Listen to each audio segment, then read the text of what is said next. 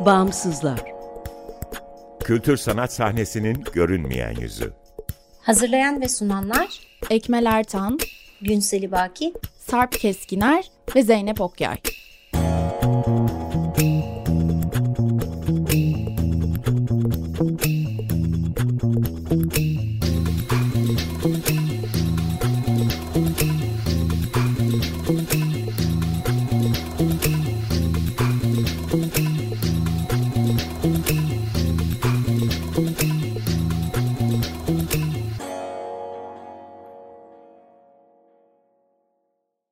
Merhaba, 95.0 Açık Radyo'dasınız. Açık Dergi içerisinde yer alan Bağımsızlara hoş geldiniz.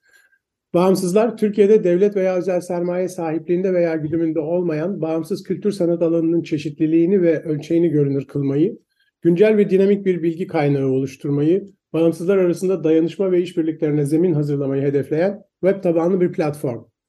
Açık Radyo Açık Dergi'nin yanı sıra bağımsızları bağımsızlar.org adresinde bulabilir. info.bağımsızlar.org adresinden iletişime geçebilir ve Instagram'da bağımsızlar.org'dan takip edebilirsiniz. Bağımsızlar ekibiyle hazırladığımız bu programı bu akşam ben Ekmel Ertan ve Ezgi Bakçay birlikte sunuyoruz. Konuğumuz Mersin'den Kültürhane.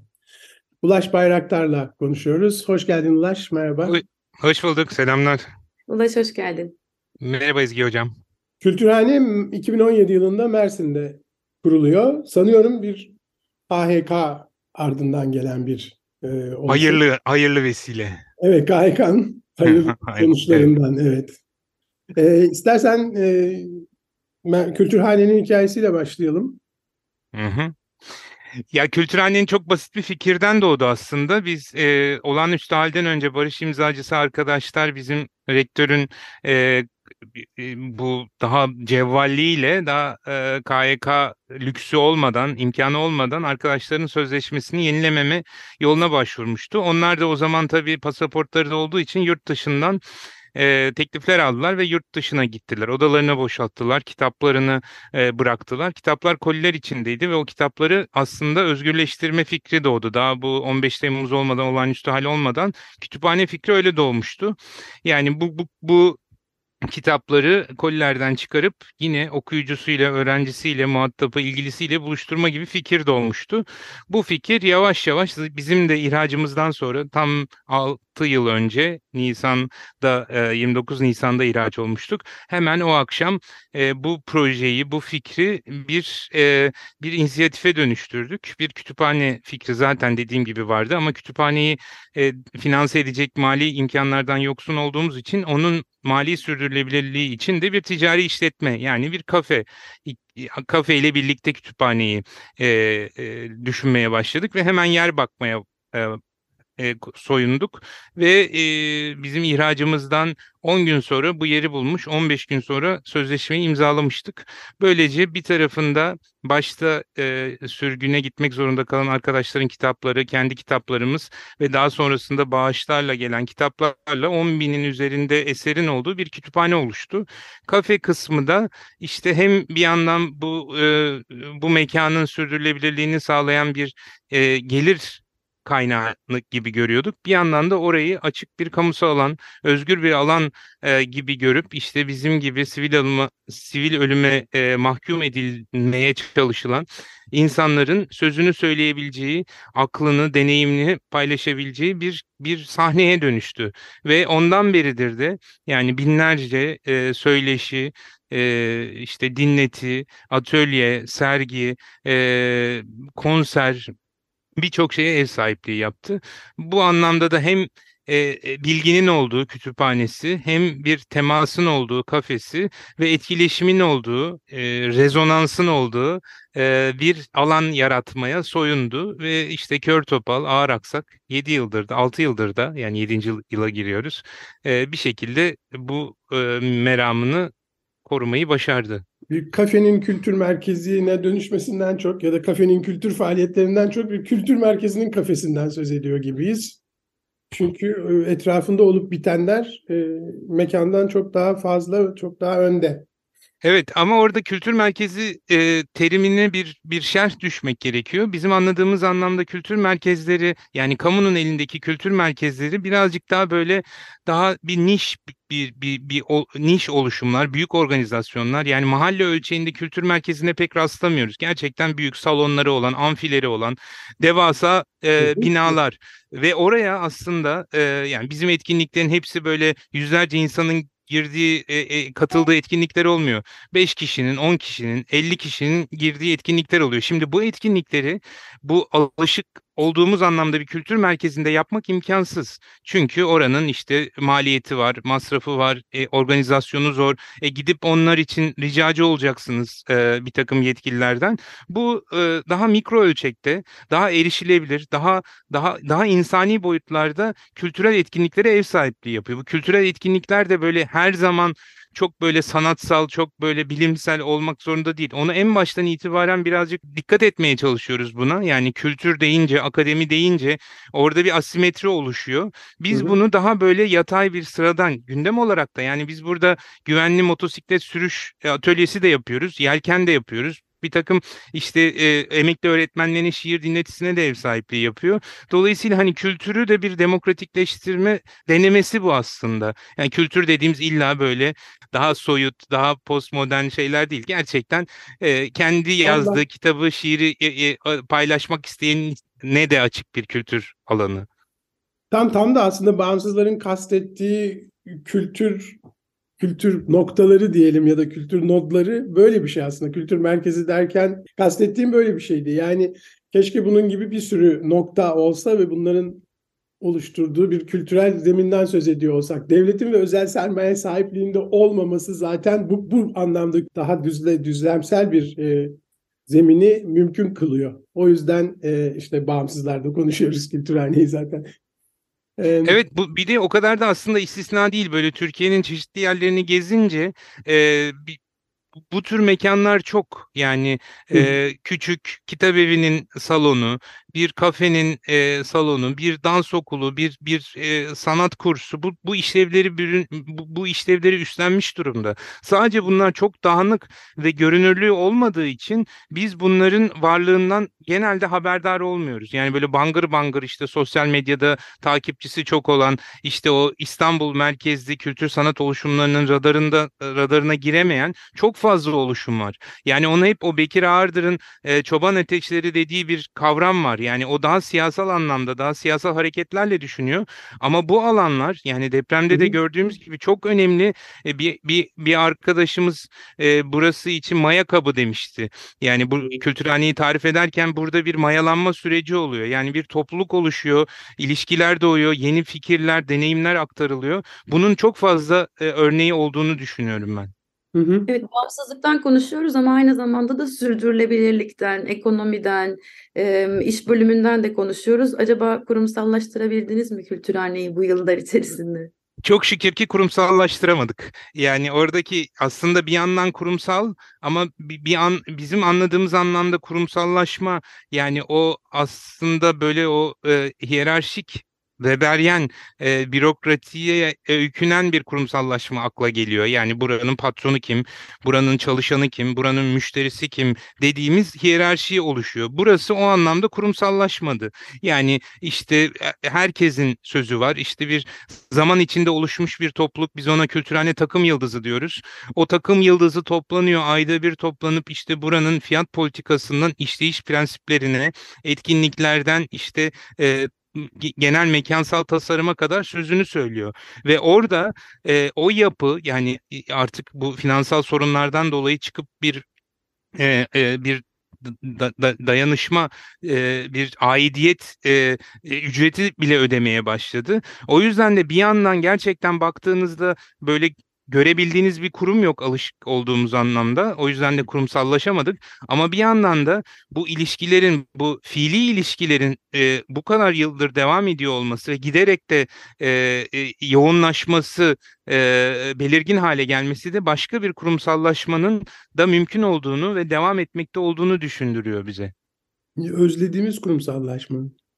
Ya evet özlediğimiz ve hayalini kurduğumuz yani bu bu şey değil her şey e, her şey toz pembe değil gerçekten Gibi. bu tür bu kadar farklı insanın yani bizim en önemli meramımız o. Burası bir dernek lokali değil.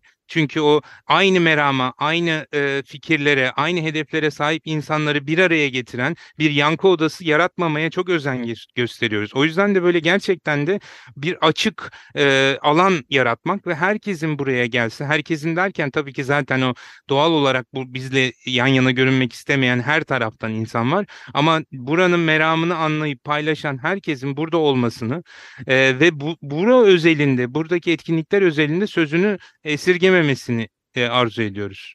Dolayısıyla anladığım kadarıyla bu yapı içerisinde yürüyor bütün faaliyetler, bütün kararlar. Yani e, peki bu e, bir, bir dernek veya başka bir yapı var mı? Sadece bu ticari yapının kendi bağımsız e, bir inisiyatif halinde örgütlenmesiyle mi oluşuyor bu? Yani bi- biz bunu şirket olarak kurmuştuk, limited şirket olarak kurmuştuk. Bu da önemli aslında. Çok fazla eleştiren oldu, hala da oluyor. Yani siz hem hem muhalifsiniz hem de ticari bir işletme kurdunuz. İşte siz de kapitalizmin e, bir e, aracısınız, e, maşasısınız gibi. Yani e, dedik o zaman peki nasıl olacak bu? E, hani biz herhangi bir mali kaynak olmaksızın burayı nasıl sürdürebiliriz? E, Bunun cevabı yok. Yani e, böyle bir e, şeyle e, evet kağıt üzerinde biz de isterdik e, öyle bir kaynağımız olsun. Dolayısıyla ticari işletme bir de tabii o, o KHK döneminde e, dernek, vakıf, kooperatif gibi oluşumlara e, bizim bir e, e, KHK'lı olmamızdan dolayı bir engel vardı. Yani kalkıp da Evet. işte Ankara'da kurulan kooperatifin e, e, ortak listesini veto ettiler. İşte Eskişehir'de, Kocaeli'de dernek kurulurken çok zorluk çıkardı İç, İçişleri Bakanlığı. Ama şirket kurdu, kurduğumuzda bu tür e, e, bürokratik engellemeleri de bypass etmiş olduk. Fakat zamanla buradaki yaptığımız etkinliklerin bir işte projeler, hibelerle yürümesi gerektiği ortaya çıktığında bir dernek kurduk. Yani 2020'nin e, sonunda e, bir kültürhane derneği de kuruldu ama bunlar iç içe girmiş durumda. Yani dernek, e, şirket arasında bir ayrım yok. Aynı insanlar dernekte de var. E, e, bu e, e, kültürhane takım yıldızında da var. O yüzden böyle e, resmi bir ayrım var ama fiiliyatta ikisi birlikte böyle bir tandem olarak yürüyor. Bir yerde şirket fatura kesiyor, dernek hibeye başvuruyor. Bu tür bir oluşum. Yani şirk, bazı çalışanlarımız dernek mensubu, bazıları şirketin sigortalı elemanı. E, bugün baktığımızda bütün bunları deprem sonrası konjonktürde değerlendirelim diyeceğim. Hazır vaktimizde kalmışken e, Kültürhane bu anlamıyla neredeyse böyle e, bir tür e, tarihsel pozisyona yerleşti. Çünkü kurulduğu andan itibaren kentlilik, kent bilinci, komünote ve dayanışma kavramlarını tartışıyordu. Çeşitli ürünleriyle kent rasathanesi de başta olmak üzere. E şimdi aynı zamanda da deprem bölgesine en yakın ama aynı zamanda en güvenli şehir olarak da bir sığınak haline geldi. Bir e, dayanışmanın örgütlendiği en yakın, en sıcak nokta haline de geldi. Bütün bunlar birleştiği anda e, bu komüniteyi, bu ortaklığı, bu bağımsız e, aktörü e, nasıl e, harekete geçirdi? Siz bu süreci nasıl yönettiniz? Yani aslında süreci yönetmedik. Kendiliğinden burada 6 yıldır oluşan refleksler e, bir anda e, depreme uyum sağladı. Yani bu gerçekten de biz kültür merkezini niye kuruyoruz? Yani ilim, irfan için, sanat için, bilim için kurulmuyor burası. Aslında bir arada olmanın vesilelerini yaratmaya çalışıyoruz. Bunu yeteri kadar uzun zamanda e, yaptıktan sonra burada bir burada bir işte hemşerilik, e, hem mekanlık e, hasıl oldu ve insanlar birbirlerini biliyorlar, tanıyorlar, güveniyorlar özlüyorlar ve e, depremde de ilk refleks olarak hemen o depremin sabahında daha birkaç saat geçmişken kendi o duyuru e, grubumuza bir toplantı e, e, çağrısı düştü ve aynı gün daha 6 Şubat'ta öğleden sonra biz burada toplanıp bu süreci nasıl ne yapabileceğimizi konuşmaya başlamıştık. Bir de şöyle tabii yani sizin de söylediğiniz gibi Hatay özellikle çok yakınımız Adana komşu kardeş şehrimiz. Orada e, hem çok fazla bağlantımız, tanıdığımız, bilgimiz vardı. ihtiyaçları biliyorduk. Oraya gitmeye çalışan arkadaşlar vardı. Hemen duyduğumuz, bize iletilen ihtiyaçları öyle e, yani kendi aramızda topladığımız kaynaklarla ve var olan kaynaklarla oraya yollamaya başladık. Direkt daha 6 Şubat günü e, oraya e, ihtiyaç, temel ihtiyaçları yani kentteki son çadırı, kentteki son battaniyeyi, işte yani bu şey termal battaniyeyi, işte ertesi gün jeneratörleri, hiltileri gö- gönderir bir haldeydik. Bu böyle gerçekten de düşünülmüş düşünülerek yapılan bir şey değildi. Biz bir topluluktuk. Bu topluluğun getirdiği bir sermaye vardı. Bu sermaye sadece parasal bir sermaye değil, bilgi de bir sermaye. Orada ne olup bittiğini bir de 99 depremini de yaşamıştık. O oradaydık ve orada yaşanacak aksaklıkları yani o yardım tırlarının nasıl heba olacağını biliyorduk. O yüzden de böyle büyük devasa yardımlar yerine e, şöyle tarif ettik biz ihtiyacı bildiğimiz, ihtiyaç sahibini bildiğimiz ve aracısını tanıdığımız yardımları göndermeye soyunduk. Yani noktasal olarak ne ihtiyaç var, kimin ihtiyacı var ve nasıl göndereceğimizi bilmeden biz oraya göndermedik. Fakat dördüncü gün itibarıyla yani görmeliydiniz Mersin sokaklarında terlikleriyle, pijamalarıyla dolaşan insanlar vardı. Çünkü hemen onlar da e, en yakın e, Mersin'e sığındılar. Çünkü Adana bile güvenli değildi. Zaten kuzeye doğuya gidilecek bir durum yoktu. Mersin belediyenin sonradan yaptığı hesaplamalara göre yani su tüketimi ve katı atık artışlarına göre 400 bin depremzedeyi e, sığınağı haline geldi. Ve biz bir noktada herkes deprem bölgesine yardım yapmaya çalışırken biz Mersin'e odaklanmaya karar verdik ve burada Mersin'e sığınan depremzedelerin ihtiyaçlarına cevap vermeye çalıştık. Ama şey bilgisine her zaman sahiptik. Biz insani yardım örgütü değiliz. Bunu uzun bir süre devam ettiremeyiz. Bu tür bir deneyimimiz yok, kapasitemiz yok, kaynağımız yok. O yüzden de hiçbir yardımı buradan yapmamaya özen gösterdik. Yani buranın bir yardım noktası olmadığını, gelen ihtiyaçları not ettik ve ihtiyaç sahiplerinin doğrudan adresine götürme yolunda bir bir e, strateji izledik. Hiçbir zaman burada böyle bir dağıtım yapmadık ama yüklü miktarda e, yardıma aracılık ettik. Çünkü çok enteresan bir şey oldu. Biz işte sosyal medyada yaptıklarımızı hiç duyurmadık, çağrı yapmadık ama herkes bizi buldu. Yani orada bir şeyler oluyor diye bize yardım için aracı olmamızı istediler, kaynak gönderdiler, bir takım e, vesile oldular. Böyle bir, bir anda böyle bir aracı pozisyonunda bulduk. Yoksa bizim öyle bir kaynağımız yoktu e, sürdürebilecek kadar. Bunu da genelleştiriyorum ben. Yani buradaki e, 99 depreminden farklı olarak burada topluluklar çok hızlı bir şekilde mobilize oldular. Yani bu tür güven güvenen dayalı topluluklar bu spor amaçlı olur, futbol e, taraftarlığı olur, dini, etnik, hemşerilik grupları olur. Bu kendi aralarında aralarında güven tesis etmiş gruplar çok hızlı bir şekilde yani o kamu kurumlarının sahip olmadığı esnekliğin de e, sayesinde çok hızlı reaksiyon verdiler. E, sadece biz değil yani genel olarak işte Adana'da Geko da böyleydi, İstanbul'da Karşı Sanat da böyleydi. Birçok yapı yani bağımsızların bu süreçte oynadığı rol özellikle incelenmeli bence. Peki Mersin'de başka benzer yapılardan söz edebilir miyiz? Sitenizde Mekanların Kardeşliği diye bir bölüm var. Henüz içi boş ama bu e, başka e, kültürel yapılarla e, Mersin'de Mersin'de o mekanların kardeşliğini bir seri belgesel yaptık. Onu koymamış olabiliriz. Yani burada Mersin'de ticari işletme gibi görünüp ama işleyiş ilkelerini bir takım dayanışma ya da işte daha adil ticarete dayandıran kuruluşlarla zaten hepsiyle tanıdığız, arkadaşız. Onlarla böyle bir onlardan ürün almaya çalışıyoruz. Onların faaliyetlerine destek olmaya çalışıyoruz. Mersin içinde böyle bir yapı var. Bahsettiğim gibi Adana'da e, Geko ile böyle bir kardeşliğimiz var. İşte İstanbul'daki işte Karşı Sanat gibi, Postane, Mekanda Adalet gibi e, kuruluşlarla çok yakın işbirliği içindeyiz. EBİK e, müşterekler okulu yapmıştık. Sonra kooperatifçilik okulu yaptık. Orada bir bir kooperatif doğdu burada Mezitli Belediyesi'nden. O kooperatife çok uzun zaman destek olduk. Hala da diğer kooperatiflere yani işte e, Hopa Çay'dan e, Kazova ilk başlangıcındaki ilk e, Kazova e, kazak yani bizim Hı. çantalarımızın ilk ilk üreticisi onlardır. Bir takım kadın kooperatifte hepsi bu işleyişi bir takım böyle kardeşlik yani benzer kuruluşlar arasındaki bir döngüsel ekonominin e, küçük denemeleri olarak yapıyoruz. Hala da yapıyoruz onu. Her zaman mümkün olmuyor ama elimizden geldiğince e, o e, adil e, şeyi yapmaya çalışıyoruz. Bir taraftan çok e, yerelden, lokalden, şehirli olmaktan, Mersinli olmaktan söz ediyorsun ama diğer taraftan da bütün ülkeyi kapsayacak bir ağ içinde hatta uluslararası dayanışma ağlarına da eklemlenerek süren bir örgütlenme biçiminden bahsediyoruz. Bu süreç içerisinde sizin bir tür uzmanlaşmanız var mı? Bence hani bağımsızlığı sürdürebilmek için burada sanki bir tür hani beceri geliştirmek de gerekiyor. Nasıl yapacak bunu da yeni kurulan bağımsızlar, genç sanatçı inisiyatifleri, küçücük kooperatifler? Ya o uzmanlaşmayı bir eleştiri olarak alırım. Yani bizim en başından beri iddiamız Efendimiz Efendimiz acemilikti. Yani o amatör ruhu aşka, sevgiye dayanan ruhu korumaya çalışıyoruz. Bir şeyin uzmanı olmamayı tercih ederiz. Yani e, uzmanı olamadığımızda zaten mali hallerimizden belli. E, öyle bir e, çok büyük bir başarı e, öyküsü olduğunu söyleyemem. Bir şekilde hani bu tür desteklerle ayakta duruyoruz ama bunun bir model olarak algılanmasını istemem. Çünkü biz el yordamıyla yaptık bunu. Hani buranın e, şartları, bizim e, birikimlerimiz, e, bağlantılarımız bunu buraya şekillendirdi.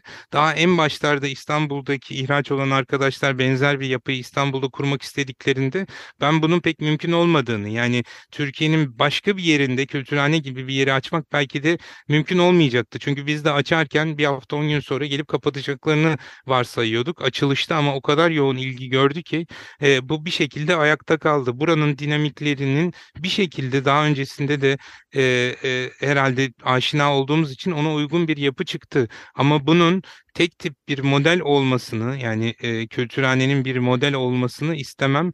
E, böyle bir şeyin doğru olduğunu da düşünmüyorum. Dolayısıyla bir uzmanlaşma varsa bile bunun başka e, başkalarının işine yarayacağını düşünemiyorum. Ama ilkesel düzeyde e, bir samimiyetle, içtenlikle hareket ettiğinizde oranın yerel e, dinamiklerine ve e, dayanışmanın evrensel ilkelerine riayet ettiğiniz sürece hikayenizi duyan ve buna destek verecek birileri bulunuyor diye umuyorum. Yani en azından ben öyle hissediyorum.